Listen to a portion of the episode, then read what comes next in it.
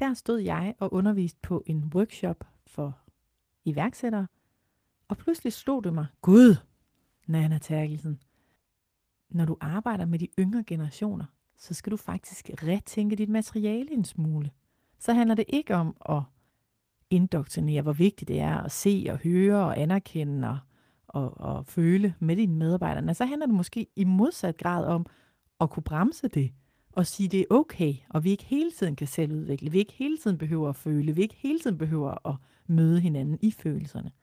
Og det var virkelig en sjov aha-oplevelse, som vi i dag skal dykke ned i. Velkommen til.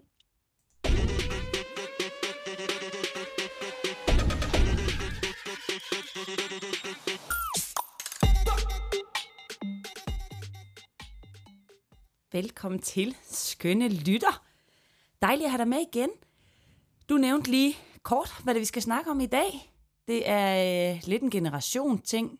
Det er en, øh, et skifte. Vi har siddet i mange samtaler og hjulpet måske især mænd, det vi kaldte lidt øh, stereotyp træmænd, med at få nogle ord på deres følelser, faktisk bare med måske at mærke sine følelser, med at turde være sårbar, ja, uden at være, føle sig svag. Det har været en øh, ret stor del af samtalerummet, og lige pludselig så sker der faktisk en ændring med, at øh, nu sidder der en, en ny generation, som er vokset op med følelser, og lige pludselig skal vi til at bremse og sige, hold, hold, hold, hold, hold, hold, igen med de følelser nu. Hold your horses. Ja. og jeg synes egentlig, at nu sagde vi træmænd, men der er jo også rigtig mange kvinder, vi har mødt, som har haft rigtig svært ved at mærke deres krop, ikke? fordi vi er blevet så meget hovedmennesker, så, så vores generation og, og dem ældre end os, det har jo også været svært at lære følelser og krop og sådan lige stå ved det, uden at man synes, man er for sårbar og svag. Ja. Men ja, det var simpelthen en vanvittig øh, sjov oplevelse af at blive sådan udfordret lidt på den der sådan bevidsthed om, gud, den her generation Z, de kommer til at fylde mere og mere på arbejdsmarkedet og i coachingrum og terapirum.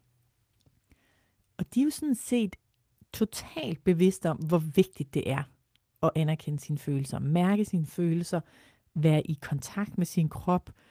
Øh, de er totalt bevidste om at være nærværende, men det gør jo også den bagside, at de slår sig selv i hovedet, når de ikke formår det. Når de ikke har tid til selvudvikling, når de ikke har tid til at kigge ind, når de ikke har tid til at analysere, vurdere og, og folde ud og forstå, hvorfor de har det, som de har det, eller hvordan deres måde at reagere i verden på har påvirket andres måder at reagere i verden på, så pisker de faktisk sig selv sådan lidt dobbelt, som sådan en ny mantra, at nu skal vi det. Så jeg fik det spørgsmål til en workshop, og sådan, jeg ved jo godt, at for at være en god leder, altså skal jeg virkelig lave meget selvudvikling, og jeg skal virkelig kigge ind af, men, og jeg kan bare blive ramt af så dårlig samvittighed, når jeg så ikke har tid til at gøre det, og hver gang sætte mig ned og, og forstå, hvad det var, jeg havde rolle i det, og hvordan jeg mærkede, hvordan jeg følte, hvor det virkelig blev tydeligt for mig, Gud, vi skal jo faktisk stoppe. Altså, vi skal have stoppet nogle mennesker med at tænke og føle lige nu. Og så delte jeg med dig, at du sagde, ja, det genkender jeg. Folk tænker og mærker og føler meget mere, end de egentlig har brug for i de rum, du også sidder i.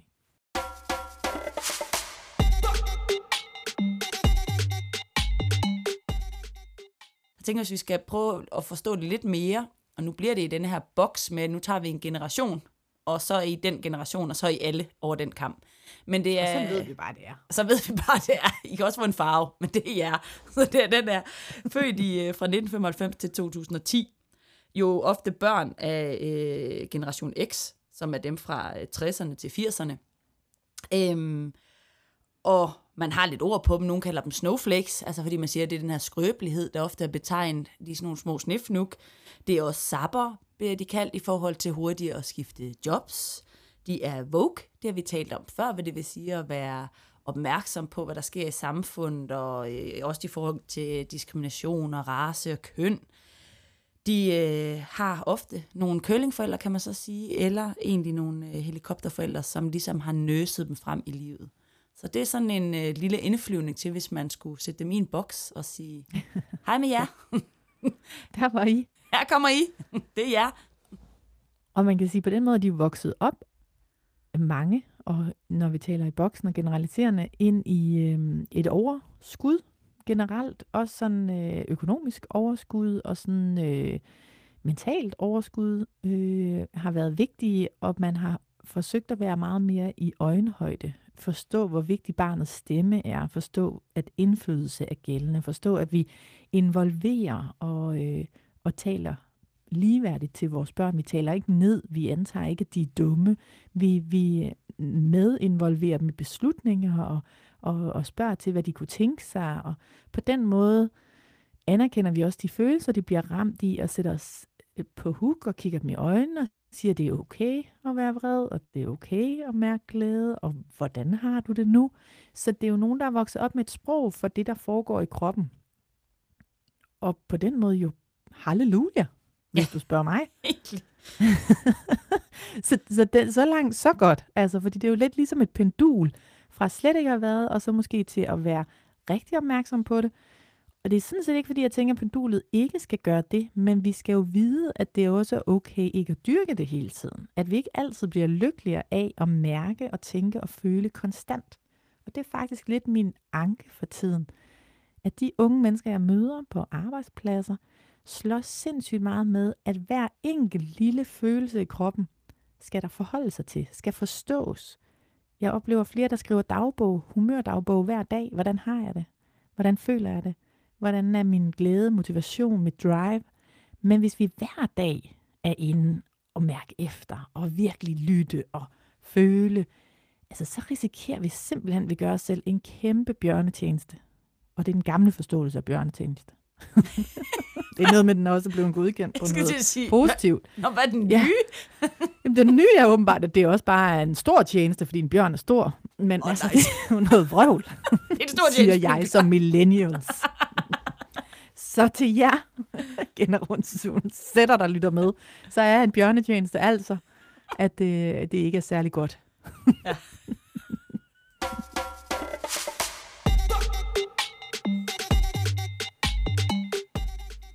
Jeg tror, du skrev dig ind i boomerbogen. ja, det var overhovedet ikke millennials, det der. Det er ikke... Um, det er også fint. Det er egentlig ikke vores generation, men det, det bliver jo interessant, når, når vi møder øh, det her mere og mere. Det er jo både på arbejdsmarkedet, som du sagde, men det er jo også ude i vores, øh, ude i vores hverdag. Og noget af det, jeg synes er helt vildt interessant, det er sådan den her medindflydelse. Så man ligesom er vokset op med at spørge, hvad kan du tænke dig med på madpakken? Hvor synes I, vi skal tage hen på ferie? Og så bagefter stå og klandre dem for, at de hele tiden kommer og spørger om ting, og, og går direkte til chefen. Du taler om det her ligeværd, for det er også ret karakteristisk, når man kigger på det, at de er vokset op med at være i øjenhøjde. Voksne går ned på knæ. Du er en lige så stor del af den her familie, som alle os andre. Og jeg synes, mm. jeg hørte sådan en fin Din eksempel. stemme er vigtig. Ja, hvor man sagde sådan, at lige så har man ikke tre børn. Det er meget mere individuelle børn, så man har ligesom øh, en Jesper, en Per og en Lise, og så har man dem for hver sit. Så man har jo virkelig taget hver enkelt barn og sagt, hvad er du interesseret i? Hvordan oplever du det her? Og hele den pakke hiver de så selvfølgelig med på arbejdsmarkedet, og har det her ligeværd og går direkte til chefen. Det er også sådan en med hierarkiet, er der ikke ja. i deres systemer. Og det er egentlig, det er ret nice, når man taler om det her flade samfund, og det flade ligesom arbejdsliv, men jo også meget anderledes for nogen, hvor, hvor jeg tror lidt, den der hov-hov-hat kommer lidt sådan, undskyld, sådan har vi ikke gjort førhen. Nej, og da jeg var i din alder og var på arbejdsmarkedet, da Altså, du kan ikke bare, du kan ikke bare gå ind til chefen, du kan ikke, du kan ikke bare tro, at du har noget at skulle have sagt på en eller anden måde. Nej, men den du der, er lige kommet ud. Ja.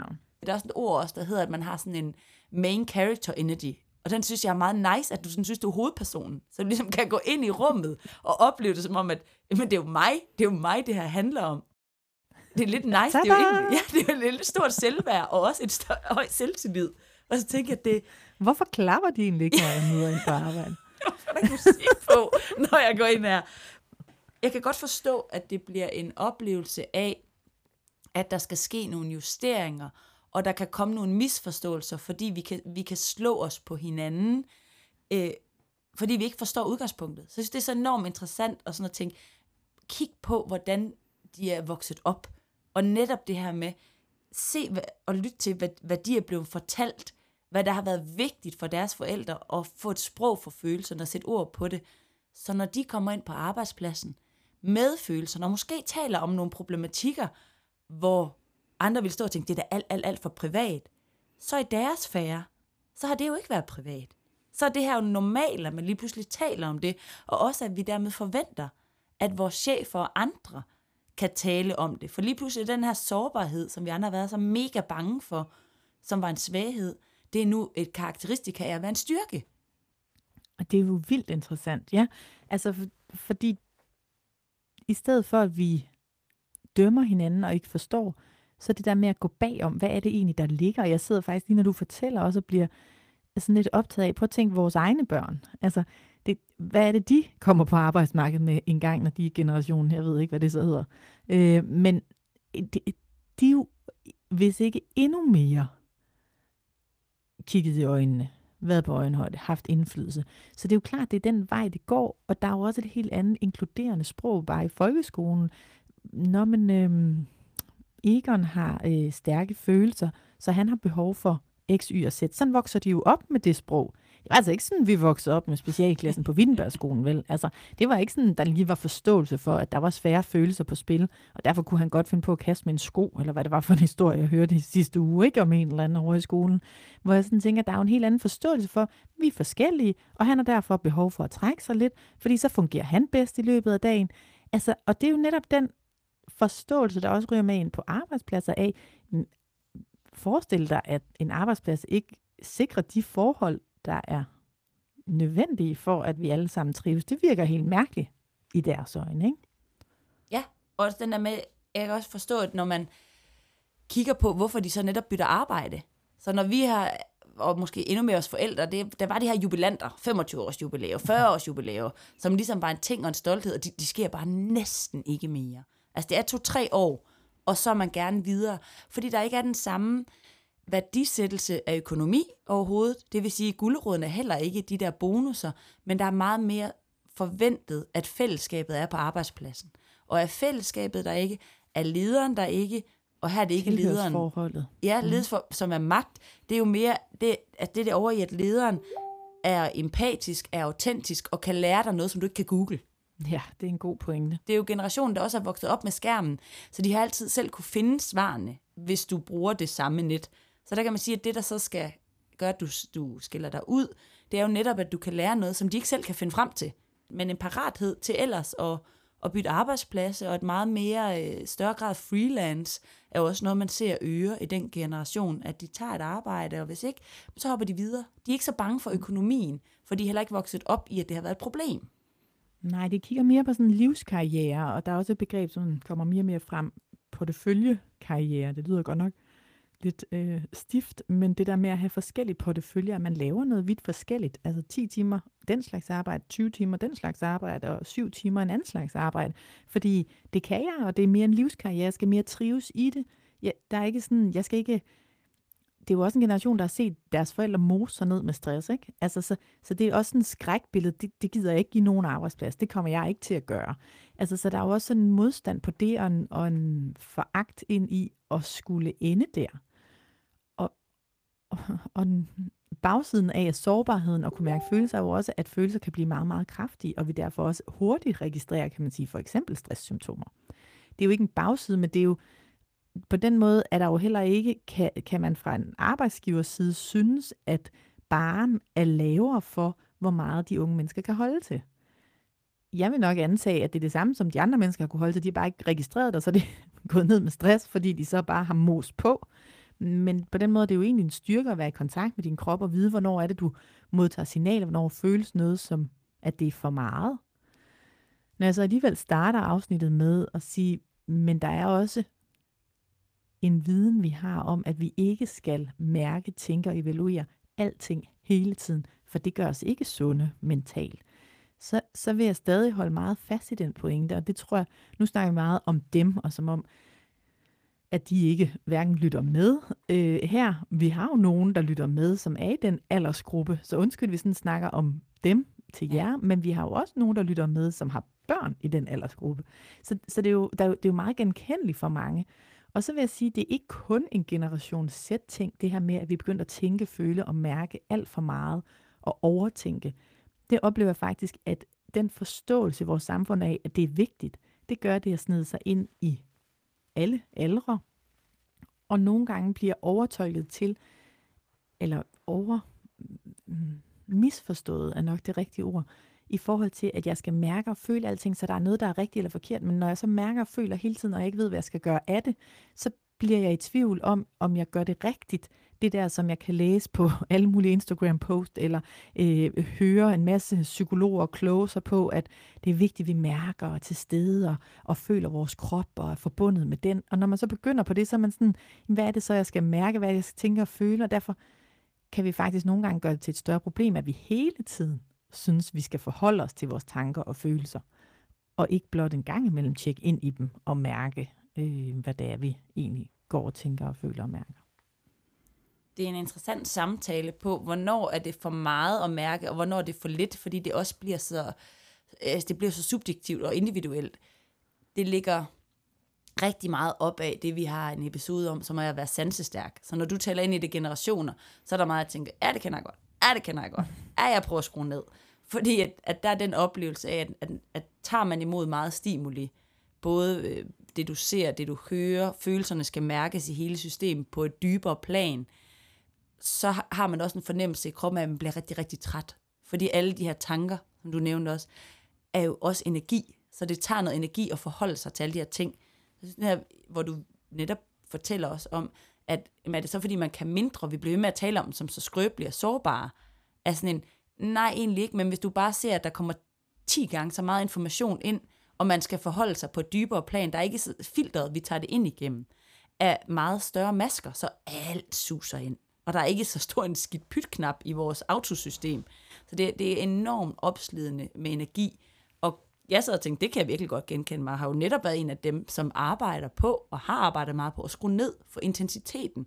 Fordi ellers så bliver det, ellers så bliver jeg stresset og udbrændt. Det bliver overvældende at forholde sig, hvis jeg synes, at hver tanke skal jeg lige vurdere, om den er rigtig eller forkert. Og jeg skal også sammenligne jo med andres tanker og samfundet, og det samme med følelserne. Altså, jeg kan jo aldrig, jeg kan ikke lave andet. Og det ved jeg, at, at når man er sansestærk, som 25 procent af befolkningen har som karakter, karaktertræk i forvejen, så, så er vi godt over i den pulje, hvor, hvor det faktisk er en fordel at lære de her teknikker til at, at skrue ned, så systemet ikke bliver så overvældet. Altså, det var virkelig skønt afsnit. Afsnit 22 om sansestærke.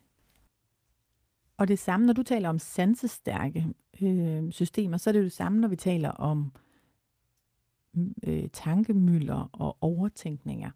Altså det her med, hvor tankerne ligesom løber afsted med os, og hvor vi ikke føler, at vi kan styre dem, og hvor vi hele tiden tænker, at jeg kan løse det her problem, eller komme ud af den her ubehagelige følelse ved at tænke mig til noget, eller lige forholde mig til, hvordan er det nu, det er, eller mm, hvis jeg nu gør det, eller hvis jeg nu tænker det, eller kunne det være, fordi jeg skulle gøre det. Hvis jeg bare lige tænker nok over det, eller analyserer det nok, så løser det sig, og så slipper den følelse, jeg sidder med i kroppen. Og det er jo tit der, hvor vi slår os, og det er jo der, jeg tænker, vi skal slå et slag for, nej, det er ikke altid løsning at tænke mere. Det er måske mere løsning at acceptere, at ja, lige nu buller det afsted med tanker. For mig er det ikke det bedste. De her tanker gør mig ikke godt. Forhold sig til de her tanker, tage dem ud og se på dem og sige, nej, lige nu hjælper de mig faktisk ikke, fordi det får bare mit system til at blive endnu mere forvirret, eller drænet, eller træt. Så nu må jeg parkere dem og acceptere, at de er der. Sige tak, fordi de prøver at hjælpe mig.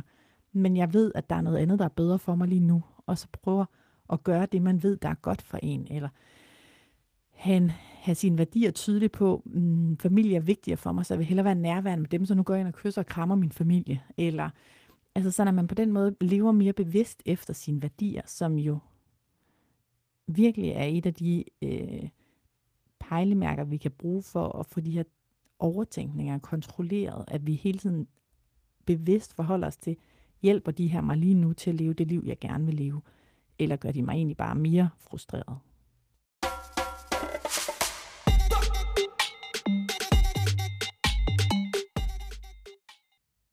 det der med, at vi altid tænker, at vi skal have en løsning. Vi har også lidt hoved på sømmen igen, at vi tænker, at vi skal løse det. Så en tanke skal ligesom gennemtænkes, vurderes og løses. Og mm jeg siger, det er ikke, det er jo, det er jo ikke, vi har omkring 70.000 tanker i døgnet. Så det er jo helt sindssygt. Mange er bare automatiseret. Vi registrerer det slet ikke. Men jeg har sådan en lille alt af energi. Så hvis man bare stadigvæk tænker på, hvor meget der kører igennem systemet, og hvis vi begynder at hive flere og flere, tage fat i flere og flere af dem, ser du de her ballonger, der flyver forbi, som er en tanke med en snor. Og hver gang vi tager fat i dem og begynder at holde fast i dem, så er det sådan, okay, nu skal jeg kigge på dig.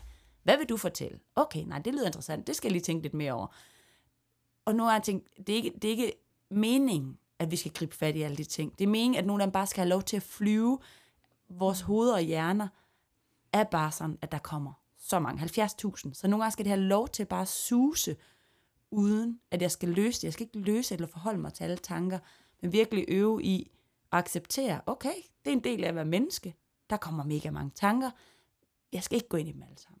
Og ligesom følelser, så lyver de også lidt, så, så at vi ikke må begynde at fortolke dem ud fra, Nå, men det giver nok mening, eller det er der nok noget om, siden jeg tænker det igen, eller bliver det, altså, er vi ude i, det bliver et problem for, at jeg går og bliver restløs, eller irriterende, mangler energi, ikke kan sove, så er vi over en skala, hvor der sådan den her med at begynde at forholde sig faktisk mindre til tankerne, er, er en, en, en god idé, at begynde at ja, øve sig i at skrue nemmere sagt end gjort på den måde, man også er vokset op i et selvudviklingssamfund, og du skal hele tiden være i, i udvikling og sætte dig mål og analysere dig selv, forstå dig selv, mærke efter. Altså, så på den måde er det jo virkelig en, en opvækst i et samfund, hvor det har været et skammeord og vil stagnere og stå fast. Svend Brinkmann har jo også skrevet en bog, Stå fast, ikke? fordi det er jo sådan en provokation af, at det hele hele tiden handler om udvikling og selvudvikling og nye øh, mål. Så på den måde er det jo lidt angstprovokerende også at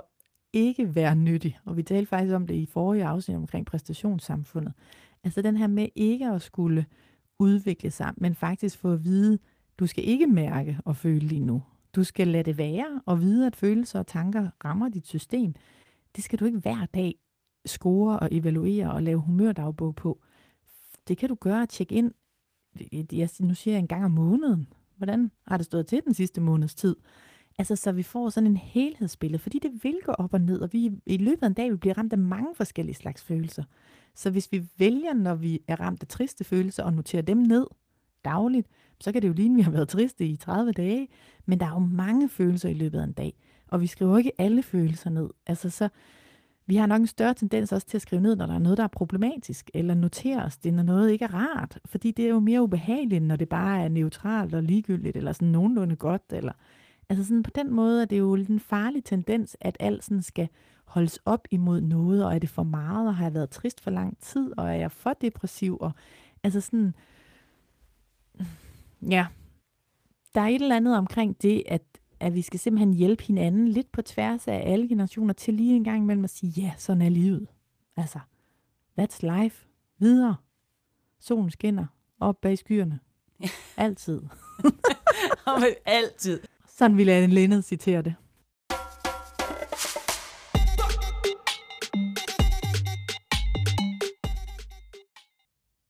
Det er jo meget omvendt, når vi plejer at sidde og dykke ned i problemstillinger ja, og materien. Det.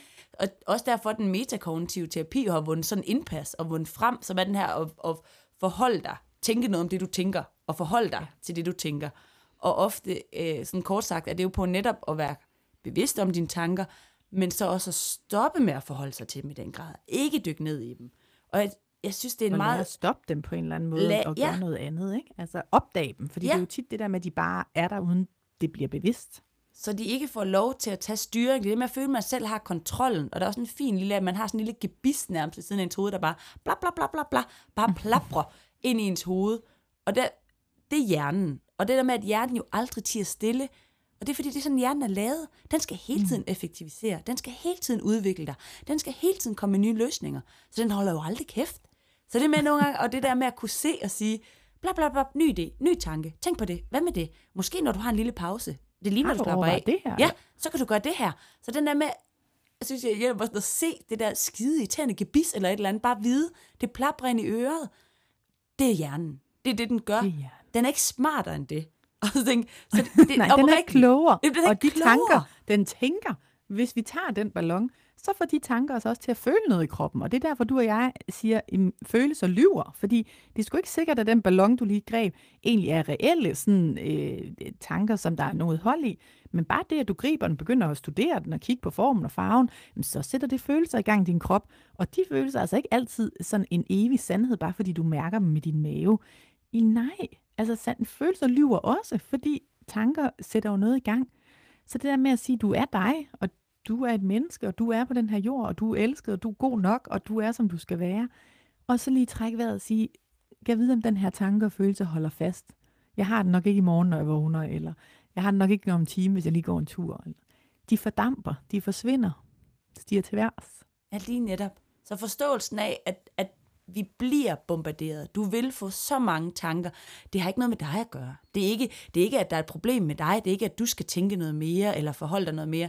Det, det er en realitet ved at være menneske og den måde, vi er skruet sammen på. Så sådan håber det, at nogle gange den lille bevidsthed, at man når at fange det, som du sagde. At man måske lige når at ense ballon. Måske man lige har grebet ud efter den, og så tænke, hov, var du vigtig? Hvis det var vigtigt, kan det godt være, at jeg skal notere dig ned nu, gemme dig til et senere tidspunkt. Hvis ikke, hvor var det lige, jeg kom fra? Og den, så giv slip. Så der kommer ind og giv slip. Og så giv slip. Jeg tror også, vi på et tidspunkt tidligere har talt om det her med, og så er det måske bedre at notere dem ned og tage dem med et frisk hjerne. Ikke? Fordi de har det med at komme i særlig grad mellem 19 og 23, 30. Og det er ikke altid der, vi er mest konstruktive.